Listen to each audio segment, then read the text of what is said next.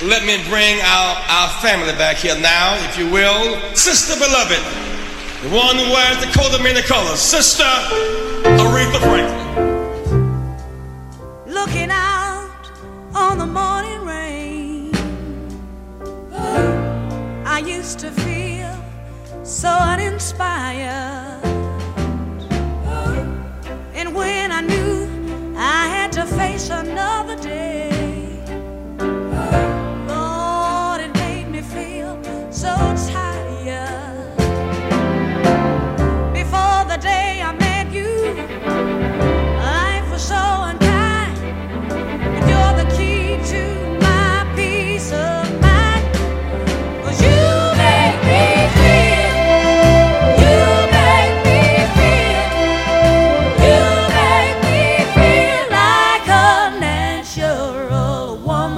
Soul musikaren erregina izan zen Ariza Franklin.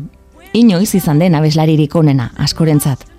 Tituluak hala ere etzitzaizkion zerutik erori. Urte asko emanak zituen, soul moduan ezagutuko zen genero horren zimenduak eraikitzen.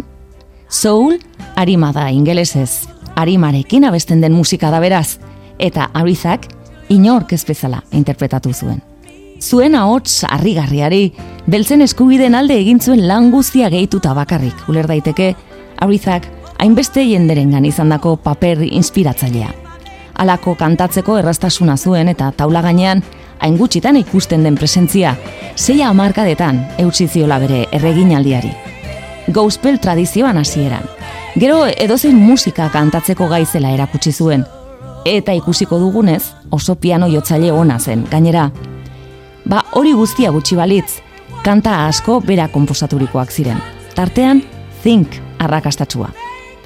Rock and Roll Hall of Fameek ez zuen laurogeiko amarkada bukaera arte emakume bat izendatu, eta bera izan zen estrenekoa laurogeita zazpian.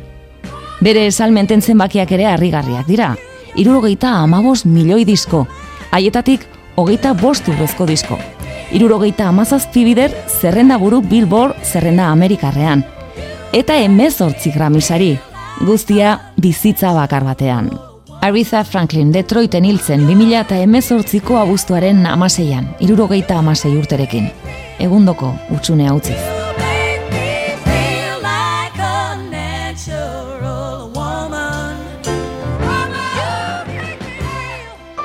Aretha Louis Franklin, Memphisen jaio zen mila bederatzireun eta berrogeita bian, baina laster egin zuen familiarekin, Detroitera, etorkizun hobe baten bila beste familia beltz askoren antzera. Ama Barbara Seegers Franklin, gospel kantaria eta piano jotzailea zen, aita berriz, Eliza Batistaren predikatzaile nagusietako bat. Arethak sei urte zituela, gurasoak banandu egin ziren, amak ezin izan zuen senararen desleialkeriekin, eta handik urte gutxira bihotzekoa ziltzitzaienean ama, zekien moduan konsolatu zituen alabakaitak, kantu bidez. Clarence Vaughan Franklin. Your mother is a friend that's with you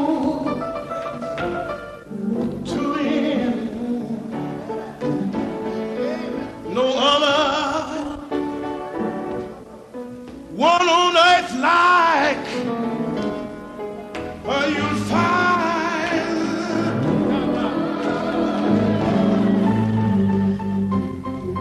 on her you. You can depend a helping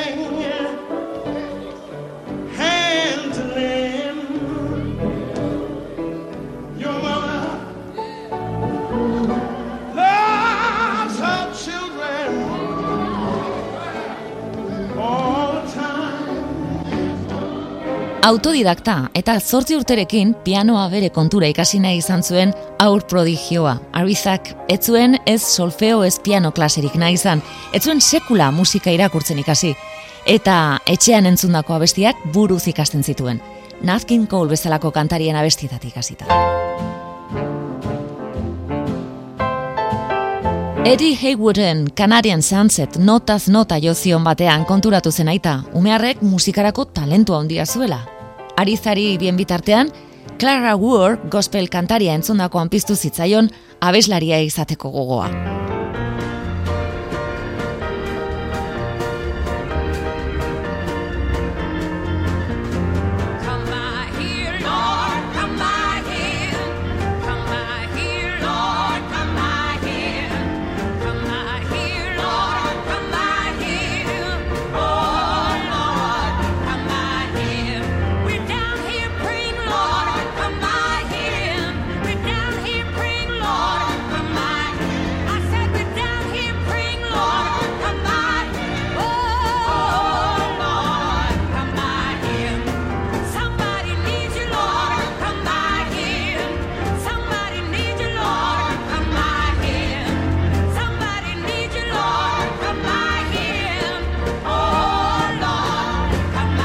Aitaren laguna handia izani Clara Ward, maiz egoten zen haien etxean eta Clararekin ikasi zuen adibidez zolasko errea edukazioz jaten, baina horrez gain, beraren gandik ikasi zuen baita ere, taula gainean nola mugitu, noiz pianotik altxa edota noiz dantza egiten hasi.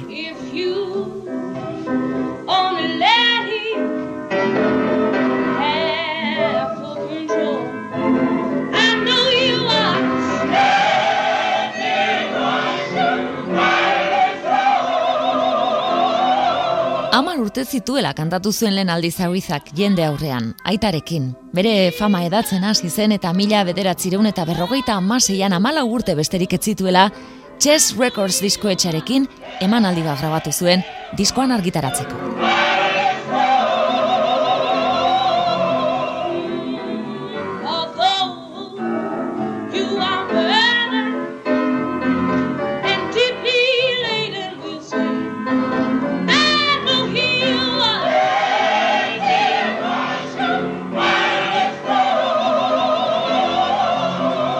Aitaren gospel espektakuluan parte hartu zuen Arithak, eta kontzertu bira hartan ezagutu zituen Mahalia Jackson naiz Sam Cook.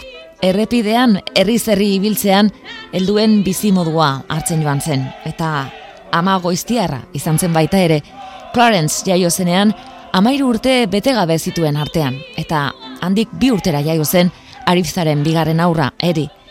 Aita kontuak eskatzen hasi zitzaionean, erabaki garrantzitsu bat hartu zuen. Bakarlari abiatzea. Joera berriak zetozen eta bere inguruko gazte asko gospel mundukoak bera bezala. Pop musikak erakartzen zituen eta Sam Cooke zen haien idolo nagusia. Demo bat grabatu zuen orduan arizak pop kutsuko kantekin, diskoetxe desberdinetan aurkezteko. Sweet, sweet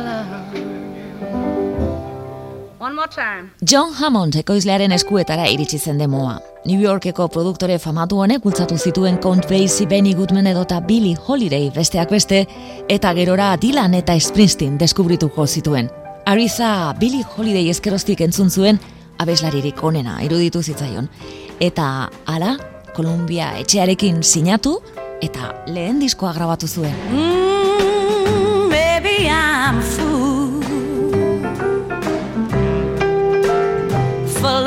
you so. And maybe, maybe I'm a fool. I don't, I don't really know.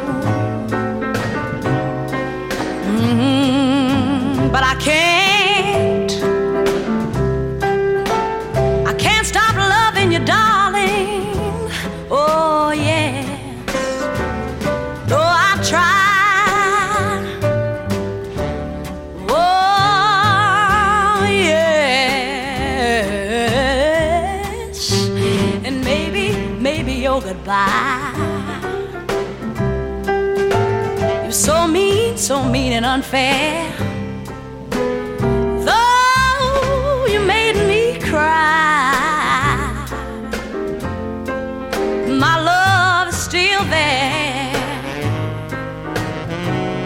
Mm-hmm, and I know, I know that I long for your kisses.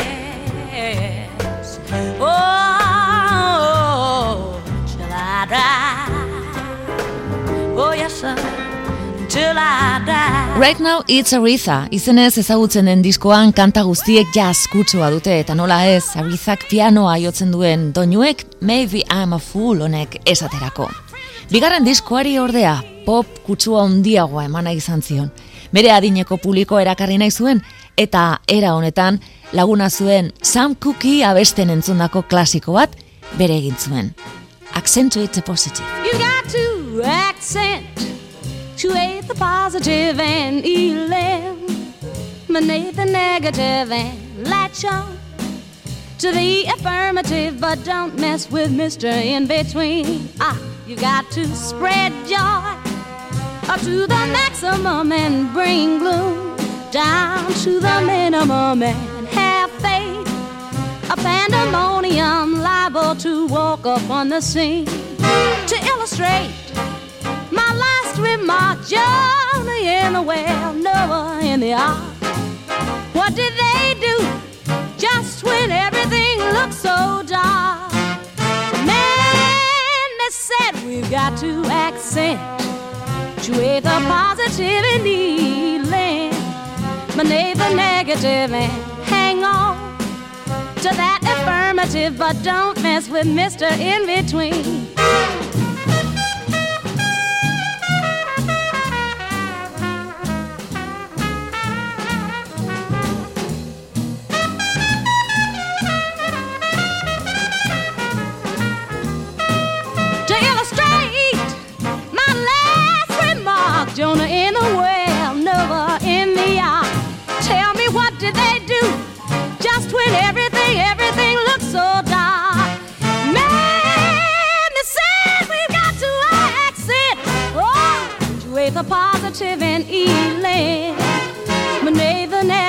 Mila bederatzireun eta irurogeita iruko abenduan, jazeko diba haundietako bat hil zen. Taina Washington hogeita emeretzi urte zituela zendu zen farmako gaindoziaz.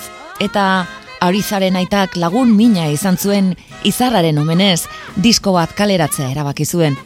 Hau izan zen egia esateko Daina Washingtoni bere garaian egin zitzaion omenaldi bakarra.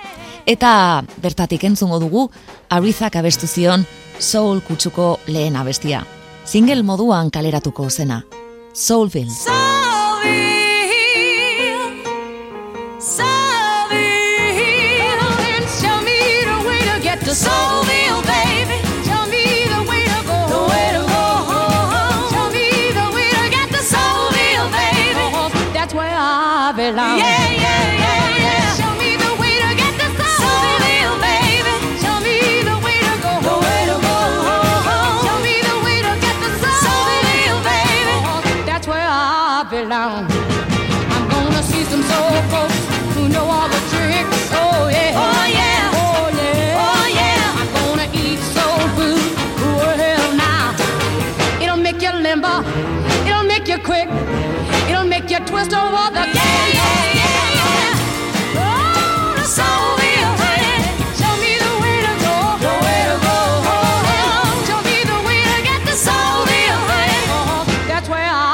Columbia Records diskuetxearekin zeraman denboran arrakastarik lortu ez zuenez, Brooke Benton eta Dinah Washingtonen ekoizlea deitu zuten. Clyde Otisekin grabatu zituen lehen soul doinu haietako batekin lortu zuen arizak Billboardeko hogeita amargarren posturaino igotzea. Running Out of Fools honekin. Sure you haven't got the wrong number. You sure it's me you wanna talk to tonight? Everyone in town's got your number. Everybody's got you pegged right. Is that why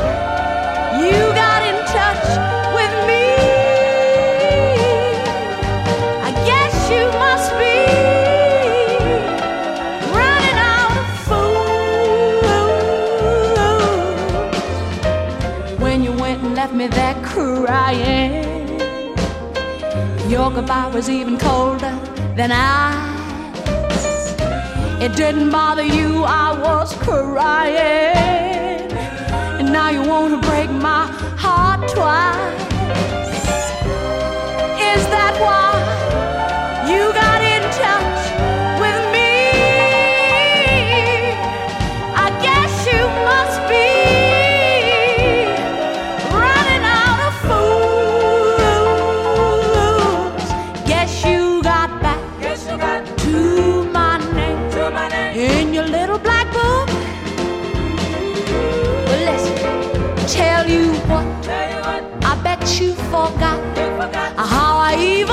Clyde Otisen eskutik kanta atseginak egin zituen Arithak, batzuetan Barbara Louisen edota Fontela basen antzera gozo abesten zuen eta alderantziz zenbaitetan Esther Phillipsen erara. Azken honi, Amyren ama esaten diote, Amy Winehousena. Norabide berriak hartu zituen, baina ez zituen klasiko Amerikarrak erabat baztertu Judy Garlandenak esaterako. Hemen, adibide bat, mila bederatzireun eta hogeita malauko Sing Went the Strings. you smiled at me, I heard a melody. It haunted me from the start. Something inside of me started a symphony. Sing with the strings of my heart. Was like a breath of spring I heard a robin sing about a nest set apart. And all nature seemed to be in perfect harmony, with the strings of my heart. Your eyes made sky seem blue again, but what else could I do again but keep repeating through again? I love you, I love you. I still recall the thrill, and I guess I always will. I hope that we'll never part. Dear, with your lips to mine, a rhapsody divine, sing with the strings. Columbia Recordsen egon zen sei urtetan zortzi disko kaleratu zituen Arbiza Franklinek, bat ere arrakastari gabe, orain standard amerikar bat grabatzen zuen, gero jazz kanta bat edo pop doinu bat, iparri gabe aritu zen Kolumbian eman zituen urte haietan, baina kanta haietako asko Arbiza berak aukeratzen zituen, eta errua etzen beste inorena, erruaren zati bat bederen. Baina azkenerako konturatu zen, soul kutsuko abestietan ematen zuela bere onena, adibidez, mila bederatzireun eta irurogeita bostean grabatu zuen, baina kaleratu ez zuen, A Bit of Soul honetan. Sitting here thinking, I'm trying to write a song. Now, if I don't get me a hit soon, I won't be here long. I got a lyric writer, got me a piano man, and we're making these words just as tight as we can. Now we want these words tender and bold. They don't have to be strong. Just give us a whole lot of soul. Now, hey, little boy, come over here with me. Can you show me how to do that dance called the flea? Can you show me how to wobble? Can we do it together? Now, come on and let's bend over. Come on and let's shake a tail feather. We want these words tender and bold. Now they don't have to be strong. Just give me a whole lot of soul,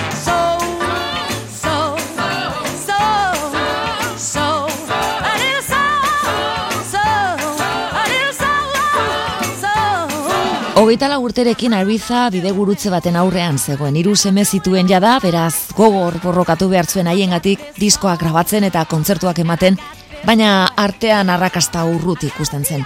Eta norabide berri bat eman behar zion bere ibilbideari, horretan lagunduko zion persona egokia ezagutu zuen irurogeita zeian. Jerry Wexler, askoren iritziz ekoizle sonatu hau izan zen soul musikaren aita. Eta berak bultzatu zituen Ray Charles, The Drifters edota Otis Reddingen karrerak. Wexlerrek ondo ezagutzen zuen Arizaren ibilbidea, hasieratik jarraitzen zuen, eta jakinaren gainean zegoen Kolumbia eta abeslariaren arteko kontratua iraungitze hartzegoela. Arizak bestalde kostala kosta hit bat nahi zuen, eta bazekien norbaitekin lortzekotan, Atlantic zigiluarekin lortuko zuela. Atlantic Recordsekin grabatzen hasiko zen, eta hogeita amar mila dolar ordainduko zizkioten. Tratua eginda, alaba mara joan ziren grabatzera Otis Reddinen pausoak jarraituz. Ordura arteko soinu sofistikatua, alde batera utzi eta Ariza pianoan eseri zen. I never loved men.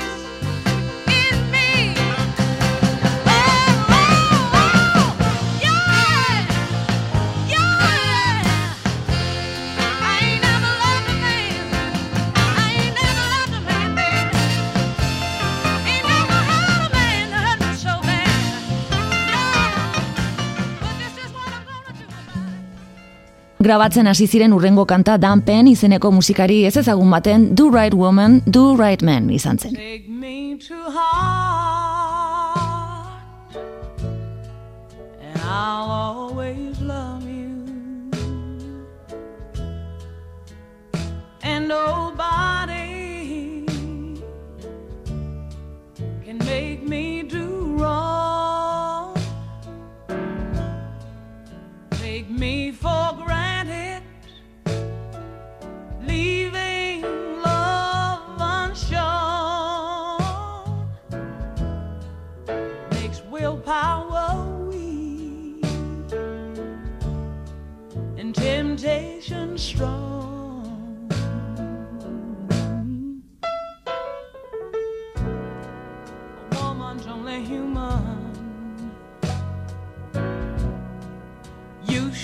understand. She's not just a plaything, she's flesh and blood, just like her man. If you want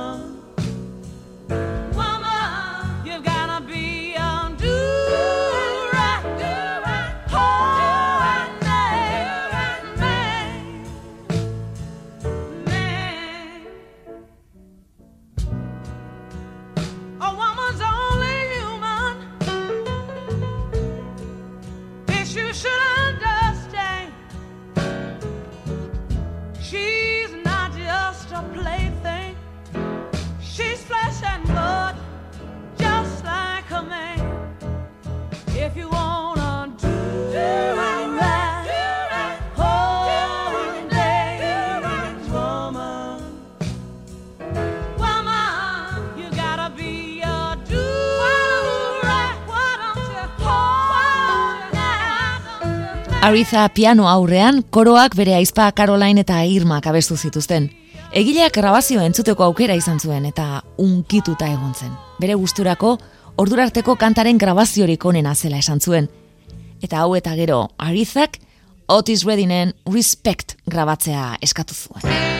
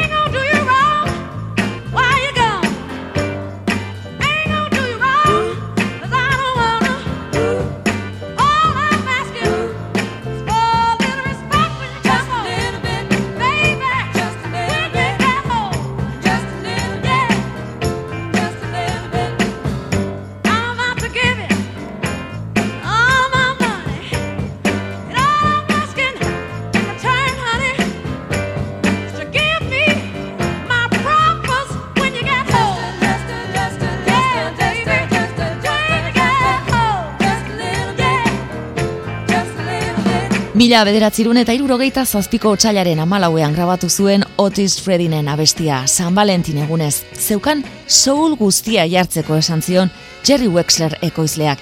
Eta egun osoa bere aizpekin ensaiatzen eman ondoren, garaiko musika beltzaren hipnorik ezagunen grabatu zuen. Beltzen eskubideak aldarrikatzen ditu. Eta emakume guztien oiu bihurtzen du. Errespetua eskatu baino gehiago, errespetua izki guztiekin exigituz. Ez da soilik hitz batzuk aldatu eta ikuspuntu desberdin bat eman ziola, beste harima bat eman zion, eta errotik aldatu zuen bere egiteraino.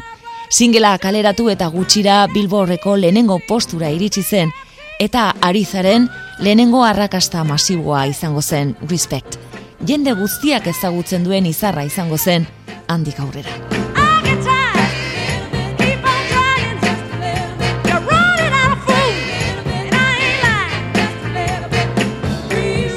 Urrengo urte terdian Arizak amar top 10 lortu zituen, danetan garrantzitsuena You Make Me Feel Like a Natural Woman bere ibilbideko estandarrik ezagunena dudari gabe.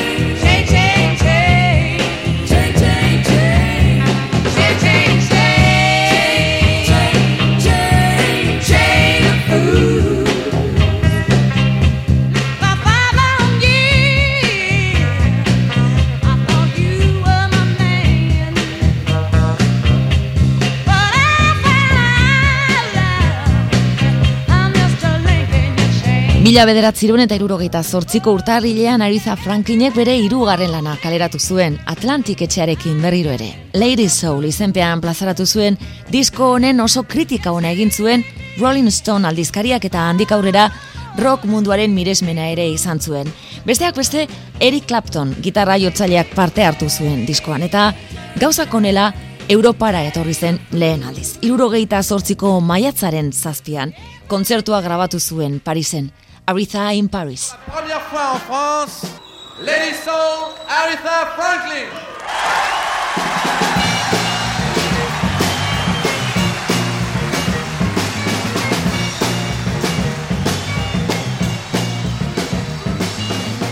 I can't get no satisfaction. I can't get no satisfaction. And I try, I tell you I try, believe me I try, I sure don't try, but I can't get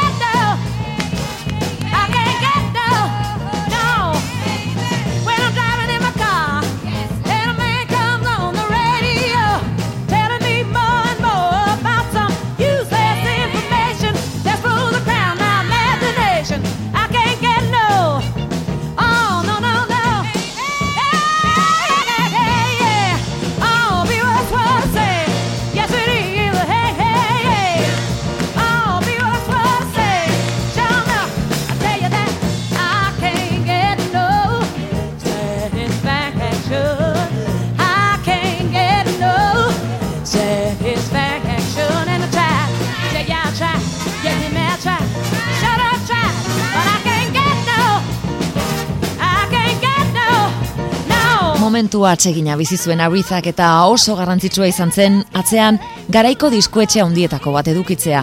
Argitaletxe mamut bat izan bazen bere garaian, Atlantic izan baitzen hori, eta etxera itzuli bezain azkar, Ariza Franklinek Respecten tamainako beste hit bat grabatu zuen. Think, bere urrengo diskoan kaleratzeko. Ariza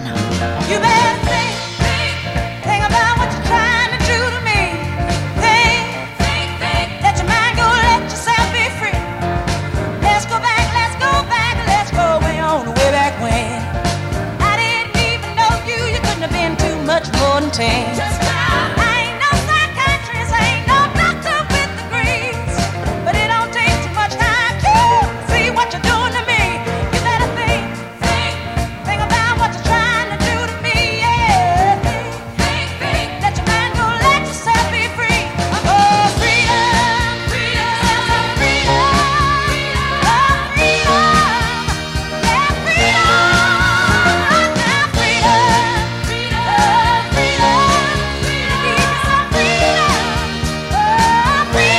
Abeslaria berak bere moldera egindako abesti honetan berriro ere giza eskubideak aldarrikatzen ditu. Eta askatasuna freedom behin eta berriz zoiukatuz historia egin zuen.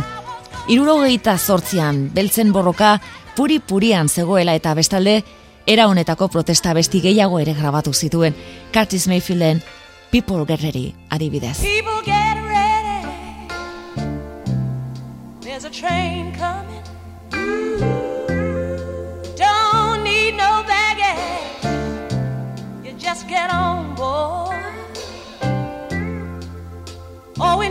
we need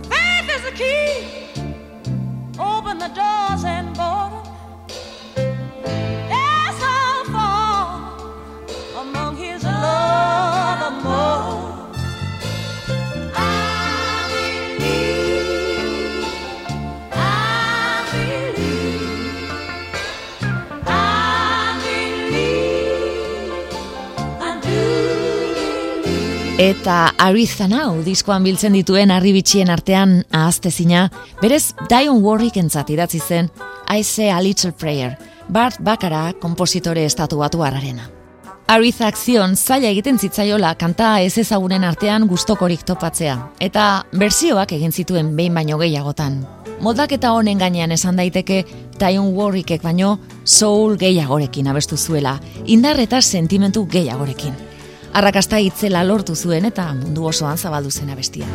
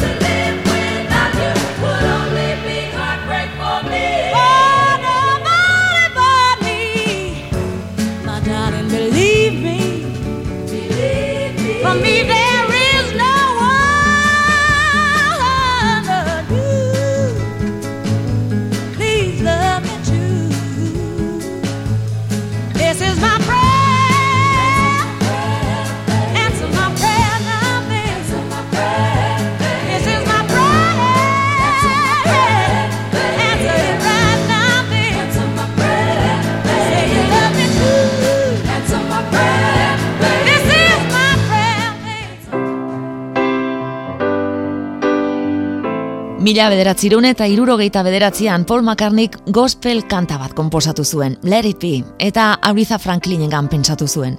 Eskaini egin zion, Beatlesek grabatu eta hain sonatu egin aurretik, eman nahi izan zion. Baina Arethak ez zuen haien arrakasta ikusi arte grabatu nahi izan. Hori bai, orduan bere ukitua eman zion. When I find myself in times of trouble, Mother Mary comes to me, speaking words of wisdom, let it be. And in my hour of darkness, she's standing right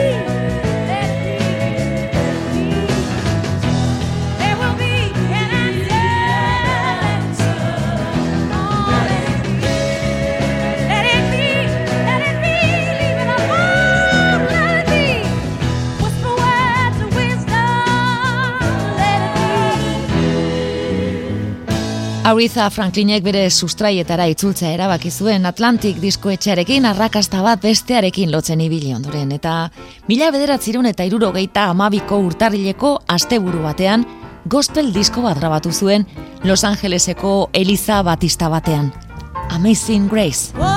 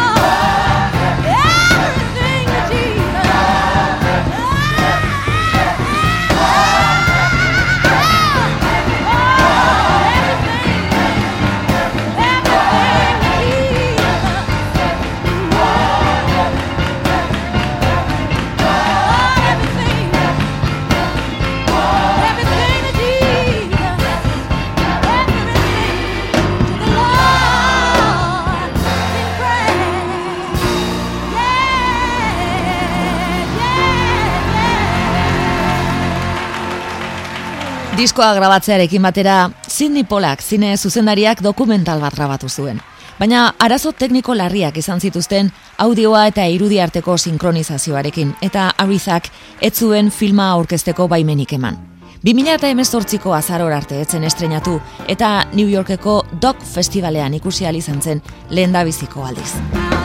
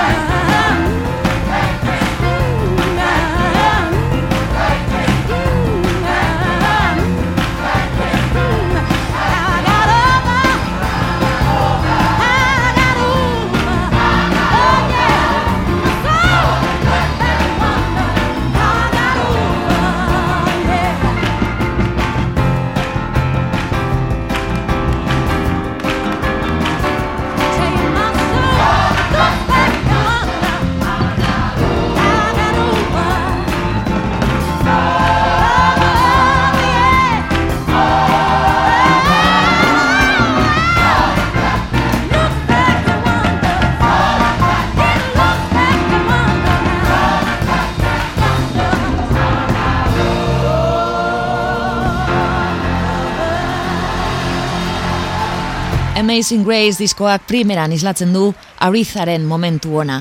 Askorentzat bere ibilbideko diskorik onena den honetan, argi ikusten da gozatu egin zuela James Cleveland hartzaiaren mezarekin eta Southern California Community Choir abez batzarekin. Atlantic diskoetxeko emezortzi musikarik parte hartu zuten, baina gainerakoan eguneroko elizkizu bat grabatu nahi izan zuten bere organo sarrera apaizaren sermoi eta jendearen txaloekin.